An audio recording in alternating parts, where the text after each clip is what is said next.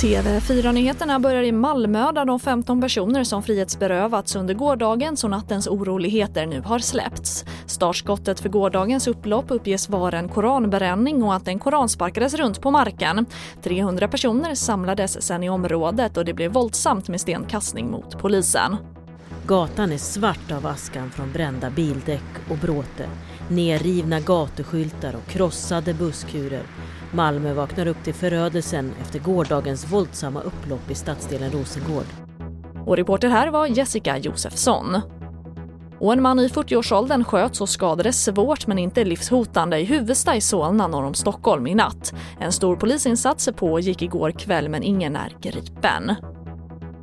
Och skådespelaren Chadwick Boseman har avlidit. Boseman spelade superhjälten Black Panther i filmen med samma namn och represserade rollen i flera Avengers-filmer.